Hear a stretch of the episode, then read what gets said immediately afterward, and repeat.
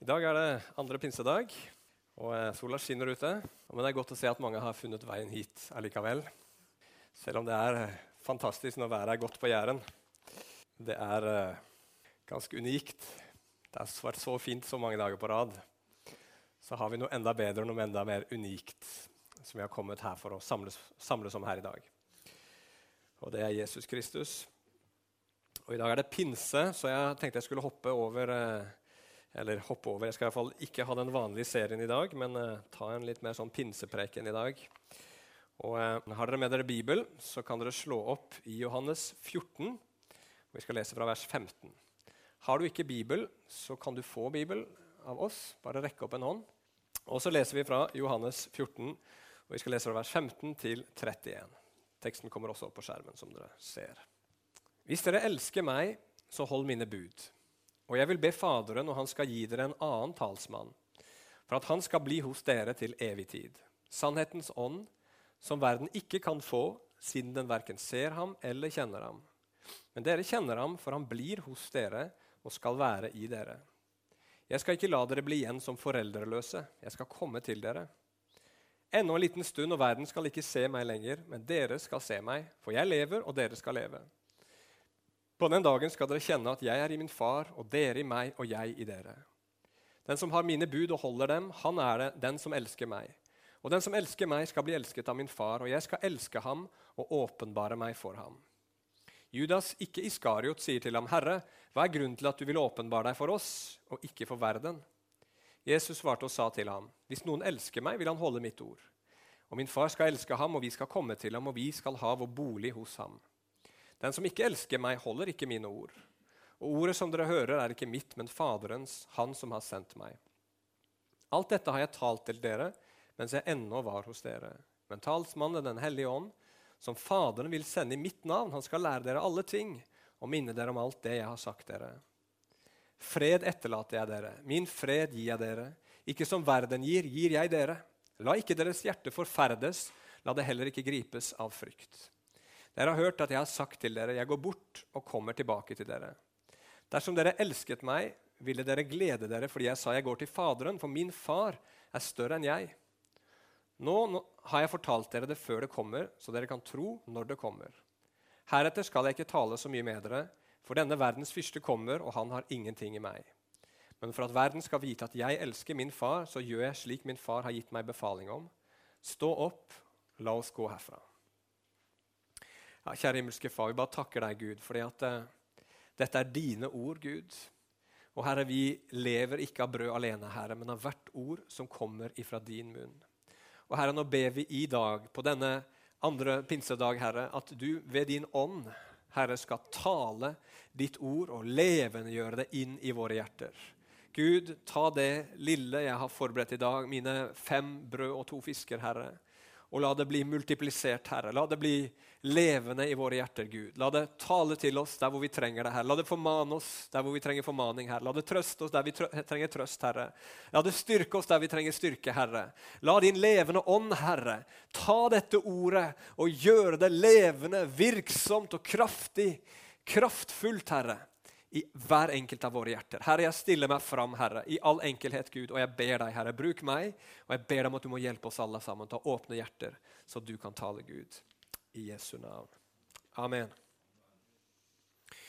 Ja, Vi skal tale om uh, Den hellige ånd i dag, som dere sikkert skjønte fra teksten. og som dere skjønner fra hvilken dag det er i dag. Vi skal tale om talsmannen, som det står om to ganger i denne teksten. her. Og Overskriften min i dag som dere så i stad, det er 'Den største gave noen noensinne har fått'. Og Jeg har tre punkter i dag. Først er hva Gud vil gi oss. Det andre er hva vi må gjøre. Og det siste er hva Gud har gjort. La oss begynne med å snakke om hva Gud vil gi oss. Den teksten her kan være en smule forvirrende. Jeg leste gjennom han mange ganger for å liksom prøve hva er det Jesus forsøker å si her. Hva er budskapet hans? Og Det som i hvert fall går veldig klart fram når du leser den, er at Gud, eller Jesus sier at Gud vil gi oss noe. For ord som 'gi', og 'dere skal få', 'etterlate dere', 'sende', sånne ord de går igjen en del ganger. Og Kanskje det aller mest kjente verset i dette som vi leste nå, og som veldig mange av dere kjenner fra før og kanskje har brukt ved forskjellige anledninger. Det er det som står i vers 27, hvor det står 'Fred etterlater jeg dere, min fred gir jeg dere'. Ikke som verden gir, gir jeg dere. La ikke deres hjerte forferdes, og la det heller ikke gripes av frykt. Gud vil gi oss fred, og vi skjønner hvorfor. Vi lever i en verden full av ufred, full av uro, full av frykt. Vi trenger fred.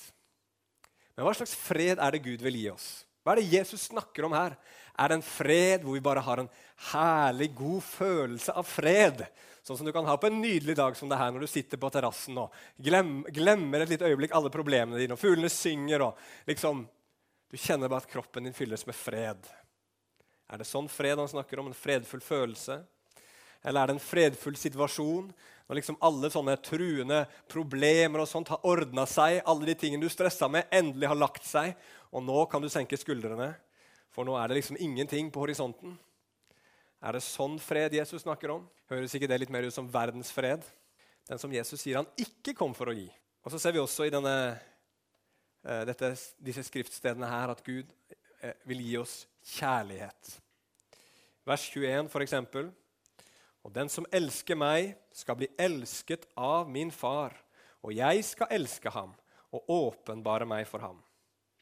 Eller vers 21, nei, 23. unnskyld. Og Jesus svarte og sa til ham, hvis noen elsker meg, vil han holde mitt ord, og min far skal elske ham, og vi skal komme til ham, og vi skal ha vår bolig hos ham. Vi trenger fred, og vi trenger kjærlighet. Og Vi lever kanskje i en verden hvor kjærlighet er blitt noe mer usikkert og flyktig enn det opplevdes da man tenkte på det som i tidligere generasjoner. Men allikevel så er dette behovet for å bli elska så sterkt og så dypt i alle mennesker. Og så sier Gud at han vil gi oss sin kjærlighet. Hva slags kjærlighet er det? da? Er det en følelse av å være elska? Er det et enkelt liv som åpenbarer Guds kjærlighet for oss? Er det at Gud har en følelse i sitt hjerte? Eller er det bare uttrykt gjennom ordene som vi leser her i teksten, at Gud sier at han elsker oss? På hvilken måte elsker Gud oss? På hvilken måte vil Gud gi oss av sin fred? Hva er det Jesus snakker om her? Det er ikke bare 'peace and love', sånn som de gamle hippiene sa. Disse tingene, fred og kjærlighet, er biter av noe mye større som denne teksten her handler om. Noe mer vidunderlig som Gud vil gi oss. Og hva er det? Jo, det står her at Jesus vil be Faderen, og han skal gi oss en annen talsmann som skal være hos oss til evig tid. Talsmannen kalles for Sannhetens ånd og Den hellige ånd. Talsmann det kan oversettes hjelperen, trøsteren, advokaten. Det er Den hellige ånd som skal komme å være i oss, bli hos oss til evig tid. Det er Guds kjærlighet. Det er Guds fred. Men så ser vi noe enda mer utrolig når du leser den teksten. her, At ikke bare snakker Gud om at han vil gi oss sin ånd, men hele treenigheten. Gud Fader, Guds Sønn, skal komme til oss og bo i oss. For eksempel, I vers 18 sier Jesus, 'Jeg skal ikke la dere bli igjen som foreldreløse. Jeg skal komme til dere.' Eller vers 20. På den dagen skal dere kjenne at jeg er i min far, og dere i meg, og jeg, sier Jesus, i dere. Eller i vers 23. Jesus eh, svarte og sa til ham, hvis noen elsker meg, vil han holde mitt ord, og min far skal elske ham, og vi skal komme til ham, og vi skal ha vår bolig hos ham. Og så snakker Jesus i vers 26 om at han skal sende talsmannen i sitt navn som sin representant. Og det Jesus sier her, kjære brødre og søstre, og som ikke er kanskje noe dere aldri har hørt før, men som allikevel burde være noe som vi hører igjen som om vi aldri har hørt det før. Noe som virkelig tar pusten ifra oss. Og det er at Gud den treenige Gud, Fader, Sønn og Hellig Ånd, han ønsker å ta bolig i deg. Amen. Kanskje Vi kan si et forsiktig halleluja eller amen akkurat da. Når Gud lover oss sin fred, så er det fordi fredsfyrsten selv vil komme inn og bo i deg en ukes tid. Dette året. Resten av livet på jorda. Nei, til evig tid! Wow! Og når Gud lover oss sin kjærlighet, så er det ikke bare svevende ord i lufta, men det står i Romerne 5.5 at Gud Eller den hel... Guds kjærlighet, sånn var det. Guds kjærlighet er utøst i våre hjerter ved Den hellige ånd, som er oss gitt. Altså, Den hellige ånd er ikke bare en teoretisk ting som flyver rundt i lufta. Men, eh, eller, unnskyld, Guds kjærlighet er ikke bare en, en, en, teoretisk ting som flyr rundt i lufta, men Guds kjærlighet er konkret, levende til stede i ditt hjerte ved Den hellige ånd. Gud elsker deg, derfor har han gitt deg sin hellige ånd. Og nå begynner vi å ane tror jeg, hva Jesus mente da han sa følgende. og Det var litt tidligere, det var tror jeg, første gangen han snakka om Den hellige ånd i Johannes evangelium. Du kan slå opp hvis du vil, Johannes 7, vers 37.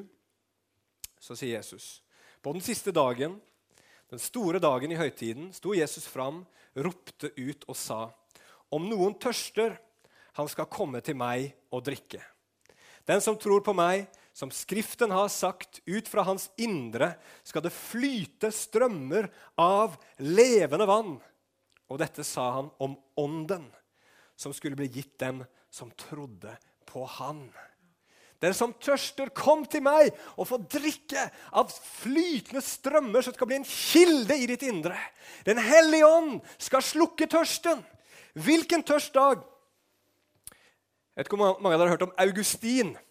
Han er en av de såkalte kirkefedrene. Han har skrevet en god del bøker. Jeg har lest en av de. Jeg skjønte ca. 30% av boka. Jeg vet ikke om det var oversettelsen som var dårlig, eller om jeg bare var dum. Men eh, jeg skjønte iallfall 30% og de 30 var veldig bra.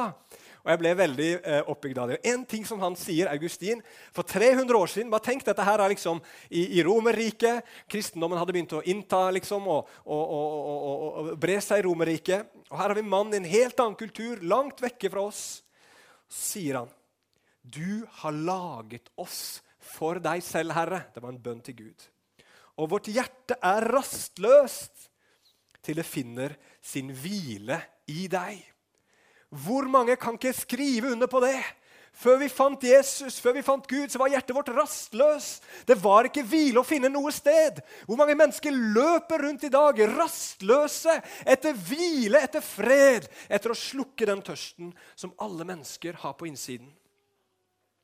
For å sitere noen andre som ikke var så veldig kristne, og som ikke levde for så veldig lenge siden Eller noen lever fortsatt òg. The Beatles de hadde en sang som het 'All You Need Is Love'. Vet du hva vi kristne sier? Vi sier 'All you need is God'. Alt du trenger, er Gud. Vi mennesker har et gapende hull på innsiden. Du og jeg har en tørst som ingenting i denne verden kan slukke. Så dyp er den tørsten. Vår tomhet og vår tørst kan bare tilfredsstilles av den levende Gud. Av at Han kommer inn og få fylle tomrommet i hjertet. Og det er det som skjedde. Det var det Jesus lovte skulle skje her. Og det var det som skjedde på pinsedag for 2000 år siden.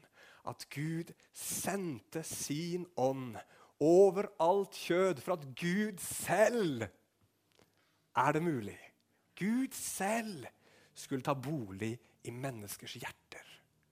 Og Pinse det handler om at Gud gir oss kraft til å vitne. Pinse handler om at Gud gir oss nådegaver av forskjellig slag som åpenbarer Jesus for mennesker. Pinse handler om at Den hellige ånd kommer inn i oss og skaper masse gode frukter som kjærlighet, glede, fred og tålmodighet, som vi alle sammen trenger. Men ingenting av det må overskygge det som er det aller største med pinsen, nemlig at Gud selv kommer i all sin fylde for å ta bolig i deg og bolig i meg, og for å bli der til evig tid. Og når vi får Gud i våre hjerter, så har vi alt vi trenger. Så hvordan kommer Den hellige ånd i våre liv? Den teksten her snakker om to ting. Det ene er veldig tydelig. Den andre er litt utydelig. Vi skal se på begge deler. For det første hva vi må gjøre, og hva Gud har gjort. Ok, Hva må vi gjøre? Jesus sier det veldig klart. Vi må elske Han. Han sier f.eks. i vers 15.: Hvis dere elsker meg, så holder dere mine bud. Og jeg vil be Faderen, og han skal gi dere en annen talsmann, for at han skal bli hos dere til evig tid. I vers 21.: Den som har mine bud og holder den, han er den som elsker meg. Og den som elsker meg, skal bli elsket av min far, og jeg skal elske ham og åpenbare meg for ham. Jesus svarte og sa til ham, hvis noen elsker meg, det er vers 23, vil han holde mitt ord, og min far skal elske ham, og vi skal komme til ham, og vi skal ha vår bolig hos ham. Dette løftet om å ta imot Den hellige ånd er knytta til det å elske Jesus, ser vi her. Klart og tydelig. Og I Bibelen er det ingenting klissete, ingenting sukkersøtt ved det å elske. Det er ikke sånne inderlige sukk og blyge blikk. Jeg skal ikke prøve engang. Eller varme følelser, selv om Guds kjærlighet så klart fyller oss med varme og gode følelser noen ganger. Nå har jeg snart vært gift med Rebekka i 13 år. Eh, og det er ikke så ofte jeg sender sånne blyge blikk til henne lenger. Jeg vet ikke om jeg har gjort det noen gang. Og det er ikke hver dag jeg har liksom sommerfugler i magen og disse voldsomme eh, i taket-følelsene. Noen ganger har jeg faktisk følelser som ikke er så veldig gode for min kone. Når vi er midt i en intenst krangel om et eller annet kjempeviktig som pålegg vi skal kjøpe inn. og sånne ting. Men jeg elsker henne for det. Og jeg elsker henne mer nå enn før. Og kjærlighet, hva er det? Jo, det er å gi en annen person stor verdi og stor betydning. Det er en definisjon på det.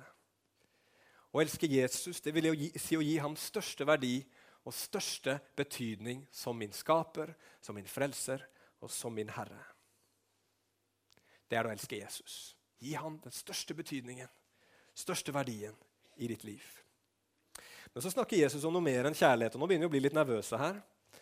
For Han snakker tre ganger om å holde hans bud knytta til det å elske han.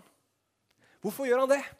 Hvis dere elsker meg, så holder dere mine bud, sier han. Fordi min kjærlighet til Jesus, den verdi jeg gir han, den betydning jeg gir han i mine liv, den blir ikke synlig gjennom hvor store følelser jeg har, eller hvor store ord jeg har, eller hvor fine sanger jeg synger. Vi synger noen vanvittige sanger noen ganger i lovsang. gjør vi ikke det? Jeg gir deg mitt liv, hvert pust og liksom alt. Men når alt kommer til alt, så er ikke min kjærlighet til Jesus tydelig eller synlig gjennom noe av det, men den blir synlig gjennom at jeg gjør det han har befalt meg. Hva hvis du leide inn noen tømrere til å gjøre et, en jobb i huset ditt? Og du mente dette var de beste tømrerne i hele verden. Var fra S. Undal, sikkert. da. Litt reklame. Nei da. Men du var helt sikker på at dette var de beste i verden. Det var ingen som kunne, kunne faget sitt som disse. Det var ingen som hadde, kunne måle seg med disse i utførelse. Og du bare skrøyt til høyre og til venstre liksom, hvor fantastisk disse tømrerne var som skulle hjem og totalrenovere huset ditt. Og dette skulle bli så bra!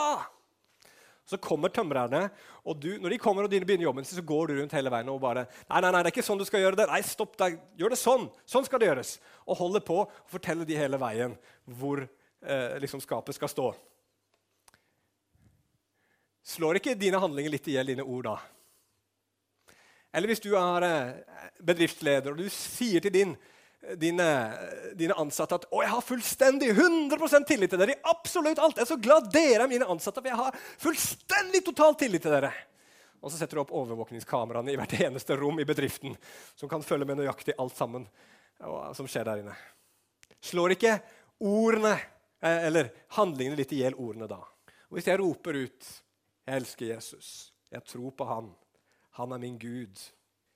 Må ikke det nødvendigvis da merkes i at Jesus, som er allvitende, som er tvers gjennom god, en fullkommen Herre, må ikke det nødvendigvis merkes i at jeg tar på alvor det han sier, og gjør noe med det. Spesielt når det koster noe.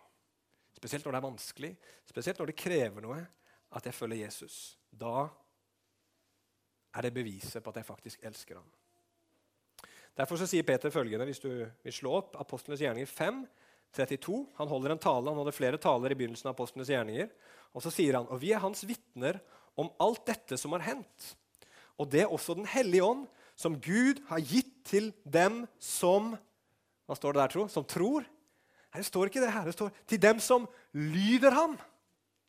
Den hellige ånd, Gud levende på innsiden av oss, er noe Gud gir til den som elsker han og lyder han. Hallo? Vent litt, Hva er det du sier for noe, Magnus? Er vi ikke frelst av nåde ved tro? Er det ikke samme måte at Den hellige ånd kommer inn i livene våre? Han kommer vel ikke inn som en fortjeneste. Det er vel ikke sånn at Den som liksom har kommet så langt, der sier Gud ja, nå, nå er du en såpass bra kristen at nå kan jeg gi deg Den hellige ånd. Nei, Bibelen svarer i grunnen på det. I Galaterbrevet 3, vers 5 der står det Han som gir dere ånden og virker kraftige gjerninger blant dere. Gjør han det ved lovgjerninger Altså at dere jobber dere opp og får liksom gjort dere fortjent til det? Eller gjør han det ved at dere hører troen? Så svarer Paulus etterpå. Ved at dere hører og tror. Der får dere Den hellige ånd. Men hvordan ja, den henger dette her sammen, da? Hvis vi får Den hellige ånd av tro, ikke gjennom lovgjerninger. Hvordan kan vi få dette her til å stemme? Vi tror jo ikke på at frelse er tro pluss gjerninger. Gjør vi det? Vi tror at det er tro alene Amen.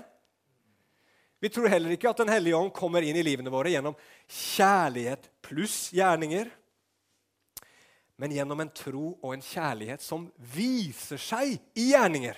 Det er det Bibelen forteller hele tiden. Paul, eh, Jakob unnskyld, han sier at en tro som ikke viser seg i gjerninger, er en død tro. Det er ikke en tro. Det er ikke noe tro der hvis det på ingen måte viser seg i våre gjerninger. Og det er på samme måte en kjærlighet som ikke på noen som helst måte viser seg i våre liv og i etterfølgelse av Jesus og at vi holder hans bud. Det er ikke en ekte kjærlighet.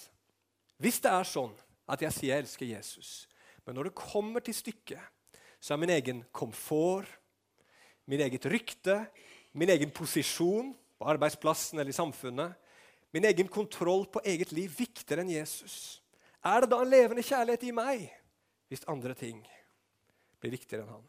Men så sier Bibelen at hvis, der hvor det fins en levende kjærlighet Og Jeg tror ikke Bibelen snakker om en fullkommen kjærlighet her. Heller ikke en fullkommen lydighet, men en ekte kjærlighet. En reell, levende kjærlighet som viser seg en reell, levende lydighet i våre liv. Så vil du få erfare Den hellige ånd i ditt liv Jesus vil åpenbare seg for deg, og du vil merke kraften i ditt liv når du går sammen med Jesus. Det er en ting som har slått meg, for jeg ser stadig vekk sånne kurs om nådegaver. Og jeg har alltid tenkt på det. Hvordan verden klarer de det? For jeg, jeg har liksom tenkt mange ganger å undervise om nådegaver. En del sånn generelle ting kan du si, Men når du skal si noe spesifikt om hver nådegave, så er det utrolig lite undervisning i Bibelen om hvordan du får den nådegaven, og hvordan du bruker den. Det står bare sånne lister hele veien. Og Lister er jo fint du skal vite hva som fins, men ikke helt hvordan det fungerer. Har dere også lagt merke til det i Bibelen? Eneste som det står veldig mye om, det er tungetalens gave. For den skal ikke misbrukes, og den kan det bli så mye tull med. Men veldig ofte så er det bare sånne lister. Når åndens gaver er Sånn er det. Hvorfor er det sånn? Jo, fordi at når du og jeg lever med Jesus, når vi følger han, når vi lyder han, så vil vi bare merke at Den hellige ånd får ta tak i livene våre. Vi kjenner en ny avheng avhengighet av Gud. Vi, trenger, vi, merker at vi trenger han. Det begynner å koste noe. Hjelp meg, Jesus! Nå er det litt vanskelig å leve. Jeg prøver å følge deg. Fyll på, gi meg noe! Så kommer Den hellige ånd og hjelper oss, styrker oss. Men hvis vi lever liv akkurat sånn som vi sjøl vil, og vi har fullstendig kontroll, så trenger vi jo ikke Den hellige ånd. Gjør vi det? Men med en gang vi begynner å lyde Jesus, så kjenner vi å, hjelp, Jesus. Nå må du komme, Herre. Nå må du hjelpe meg. Nå trenger jeg litt hjelp ovenfra. Litt mye, faktisk. Og da kommer Gud, og så fyller han oss med åndens liv. Åndens liv vokser i den som elsker Jesus og følger ham. Og Derfor så sier Jesus, kanskje litt merkelig her i teksten, nå, at han vil ikke åpenbare seg for verden. sier han. Hæ? Vil du ikke åpenbare deg for verden? Altså, Vil du ikke vise deg for verden, Jesus? Vi trodde jo at du kom for å frelse verden. Hvorfor, hvorfor vil du ikke åpenbare deg for verden? da, sånn som det står her? Har du noen gang tenkt på det? At Jesus, da han sto opp fra de døde, så kunne jo han gått ut av graven, stilt seg opp på torget i Jerusalem og bare sagt Her er jeg! Se, alle sammen, jeg står opp fra de døde. «Ha, ha, nå, nå skjønte dere hvem som hadde rett hele veien. ikke sant?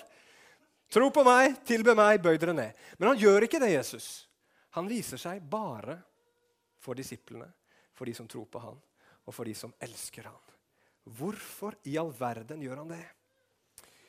Jo, fordi at hvis ikke mennesker allerede elsker Jesus, så blir de ikke forandra av en demonstrasjon av Guds kraft.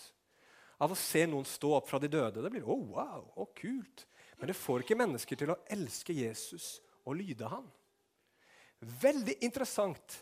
Noen, en del mennesker jeg har snakka med, som går ut på gata og ber for syke. og, og, og sånt. Legger hendene på syke, og, som ikke er kristne, og ser de blir helbreda, sier at veldig ofte fleste tilfellene, når de blir helbreda, så blir de ikke kristne etterpå. Jeg er veldig glad for at de fikk, fikk en god fot og god rygg, og, men de blir ikke kristne. Hvorfor det? Fordi at du må først, du må først elske Jesus for at det skal bli en forandring i livet ditt av det som Gud gjør for deg. Og Da trenger vi at en kjærlighet til Jesus vekkes i våre liv. Og hvordan skjer det? Det er det store spørsmålet. Hvordan kan kjærligheten til Jesus vekkes i mitt liv? Og det er det siste punktet mitt. Hva Gud har gjort. Hele dette avsnittet her inneholder et poeng som er litt skjult. Og det er at Jesus hele veien sier at han skal gå bort. Han skal forsvinne. Han skal gjøre noe. Og hva er det han skal gjøre? Hvordan kan Gud hjelpe meg med mitt egoistiske, distraherte, formørka hjerte til å elske Jesus så mye at jeg er villig til å lyde han. Hvordan kan det skje med meg? Det er ingen av oss som naturlig elsker Gud. Det er ingen av oss som blir født som Jesus-elskere. Det er ingen av oss som har det fra naturens side. Det må bli gitt oss på en eller annen måte. Det må et eller annet som vekker kjærligheten i oss. Og hva er det? Jo, det var det Jesus skulle gjøre da han gikk bort. Og Det står helt i slutten av det vi leste. Kom, la oss gå herfra. Han var på vei en plass. Hvor var det Jesus skulle? Rekk opp hånda, den som vet svaret. Til korset! Dette her er midt i påska.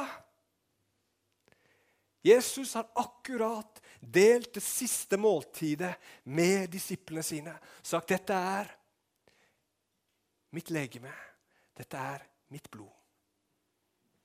Og Så holder han denne talen, og så snakker han om at dere skal elske meg. Han er på vei til korset. Og hva skal han gjøre der? Jo, la oss lese i Galaterbrevet 3 og vers 10, og så leser vi vers 13 og 14 også. Der står det følgende.: For så mange som bygger på lovgjerninger, er under forbannelse.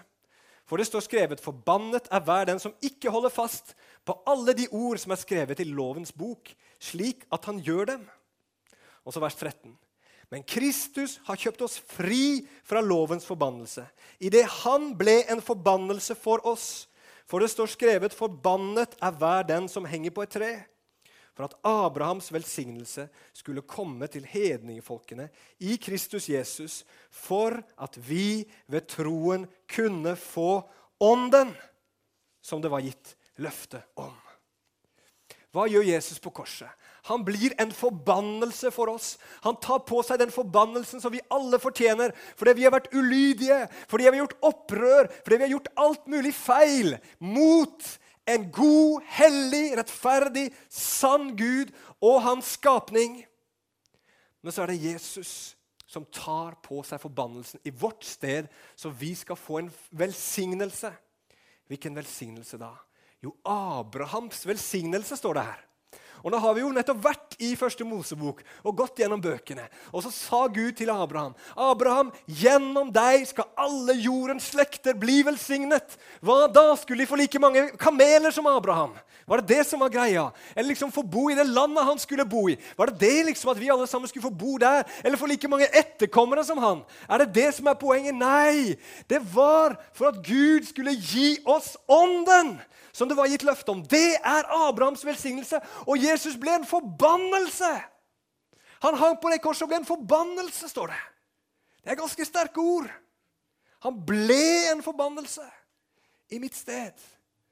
for at jeg skulle få velsignelsen. Og velsignelsen, det var Den hellige ånd, som det var gitt løfte om. Hvordan da? Jo, for det første ved at Gjennom at Jesus ble en forbannelse, så forsvant all synd fra mitt liv. For at jeg kunne få Den hellige ånd, som bare kan bo i et hellig tempel.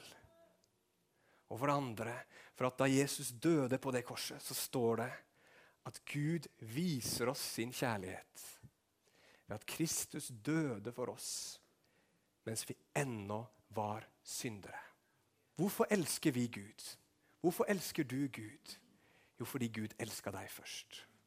Vår kjærlighet til Han er bare enkelt og greit et gjensvar på at Han gjennom å gå til korset viste oss hvor mye Han elsker oss, og gjorde alt for at vi skulle bli fylt med Den hellige ånd og bli Hans barn.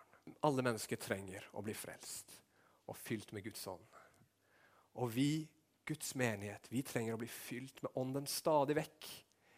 Efeserne 5,18. Bli fylt med Ånden, sånn at Jesus kan leve i oss og gjennom oss. Slik at verden kan se en levende Jesus her på Betel og på bedehuset og i andre menigheter i andre eh, bygder rundt her. Det er Åndens verk i våre liv. Og Derfor så må vårt mål være å bli fylt med Ånden. Og Hvordan kan jeg bli mer fylt med Ånden? Jo, jeg må elske Jesus mer. Og hvordan kan jeg elske Jesus mer? Jo, Jesus sier, 'Den som er tilgitt mye, han elsker mye'. Å, Du kan ikke ta deg sammen for å elske Jesus. Du kan ikke bestemme nå skal jeg elske han enda litt mer. Nei, du må se på korset. Du må komme tilbake og se hva Jesus har gjort for deg. om igjen om igjen. Du må se han henger deg for deg. for deg. Du må se at han har din synd nagla til sine hender og sine føtter. For deg døde han! Og Vi må se det om igjen og om igjen. Vi må høre det om igjen og om igjen. Vi må la det gripe oss om igjen og om igjen. Sånn at vi ser at vi er elska så mye. At kjærligheten vekkes i oss. Og vi går med Gud. Og så kommer Gud med sin ånd og fyller oss enda mer med kjærlighet. Og så blir vi fylt med enda mer av ånden. Og så blir vi fylt med enda mer kjærlighet og mer av Ånden. Og sånn går det inn i evigheten, hvor vi får vokse i nåde og kjennskap til Gud. Kjenne Han mer, og Hans ånd får lov til å vinne skikkelse og rom i våre liv. Mer og mer og mer. Jeg har bare lyst til å lese noen vers helt til slutt her, fra Apostlenes gjerninger 10. Fra vers 36. Har du Bibelen, så slå veldig gjerne opp der. Det er en litt langt avsnitt jeg skal lese helt til slutt her. Her er det Peter som kommer for første gang til en gjeng akkurat som oss. En gjeng med hedninger. Altså, Det er to typer hedninger. sant? Men de som ikke er jøder, de er hedninger, de òg. Apostelens gjerning 10, 36. Og så forkynner Peter evangeliet for dem. Han begynner i vers 36 og sier Ordet som Gud sendte til Israels barn for å forkynne fred ved Jesus Kristus. Han er alles herre det ordet kjenner dere. Dette ordet nådde ut over hele Judea. Det begynte fra Galilea etter den dåpen Johannes forkynte. Hvordan Gud salvet Jesus fra Nasaret med Den hellige ånd og med kraft. Han som gikk omkring og gjorde godt og helbredet alle som var undertrykt av djevelen, for Gud var med ham. Og vi er vitner om alt han gjorde, både i jødenes land og Jerusalem. Ham som de drepte ved å henge ham på et tre. Ham oppreiste Gud på den tredje dag og lot ham vise seg åpenlyst. Ikke for hele folket, men for de vitnene som på forhånd var utvalgt av Gud for oss. Vi som spiste og drakk sammen med ham etter at han sto opp fra de døde. Og han påla oss å forkynne for folket og vitne at det er han som av Gud er bestemt til å være dommer over levende og døde. Om ham vitner alle profetene at hver den som tror på ham, skal få syndenes tilgivelse ved hans navn. Mens Peter ennå talte disse ord, falt Den hellige ånd på alle dem som hørte ordet. Og de troende som var omskårne, det var de som ikke var hedninger, ble forskrekket. Alle de som var kommet sammen med Peter, over at Den hellige ånds gave også var blitt utøst over hedningene, for de hørte dem tale med tunger og opphøye Gud. Jeg sa i stad at det er ikke gjennom kraft og det er ikke gjennom under at mennesker begynner å elske Gud, men det er gjennom å høre evangeliet forkynt. Og vi tror på kraften i tegn og under. Vi tror at Gud kan gjøre herlige, vidunderlige ting. Men det må alltid gå sammen med evangeliet. Det er alltid budskap om Guds kjærlighet til Jesus Kristus som må gå forut og gå sammen når Gud får demonstrere sin kraft. Og Her forkynnes evangeliet, og hva skjer? Jo, de blir døpt i Den hellige ånd, de blir fylt. De får ikke engang bedt om det, de får ikke engang sagt noe. Men det bare rører dem så dypt at Den hellige ånd får rom, fyller deres liv. Og det står at de taler i tunger, og de priser Gud, for den ånden kommer inn i dem. Er kjærlighet til Gud en prestasjon? Nei, det er en frukt av evangeliet, kjære venner.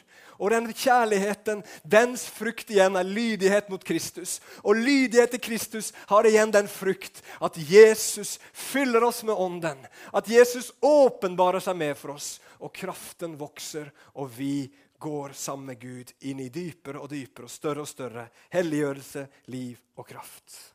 Hva trenger vi å gjøre? Jo, Det begynner med at vi ser på korset. Og det skal vi gjøre nå. Nå skal vi feire nattverd sammen. Vi skal ta brødet, kalken, og vi skal minne hverandre om at denne, dette, dette brødet, denne kroppen til Jesus, ble fylt opp av min synd. At Jesu blod ble fylt opp av min synd. At Jesus ble til synd, står det på korset. For at vi han skulle få Guds rettferdighet. Og nå får vi ta imot dette brødet, får vi ta imot dette, dette, denne kalken som et tegn, som en påminner om det Gud har gjort for oss. Og vi bare ber Herre om at du skal tale til oss i dag gjennom nattverden, Herre. At du skal gjøre det levende for oss, Jesus. At du skal gjøre det sånn, Herre, at vi forstår at vi er høyt elska, Herre. At vi elsker mer enn noen noen gang har elska oss, Herre. At kjærligheten i våre hjerter skal vekkes, Herre. Så vi kan lyde deg, gå med deg, Herre. Ikke være våre egne herrer. Ikke være våre egne sjefer, Herre. Men la deg få være Gud og Herre og konge i våre liv, Herre. Så vi kan få mer av deg. Så du kan vokse, og vi kan avta Jesus.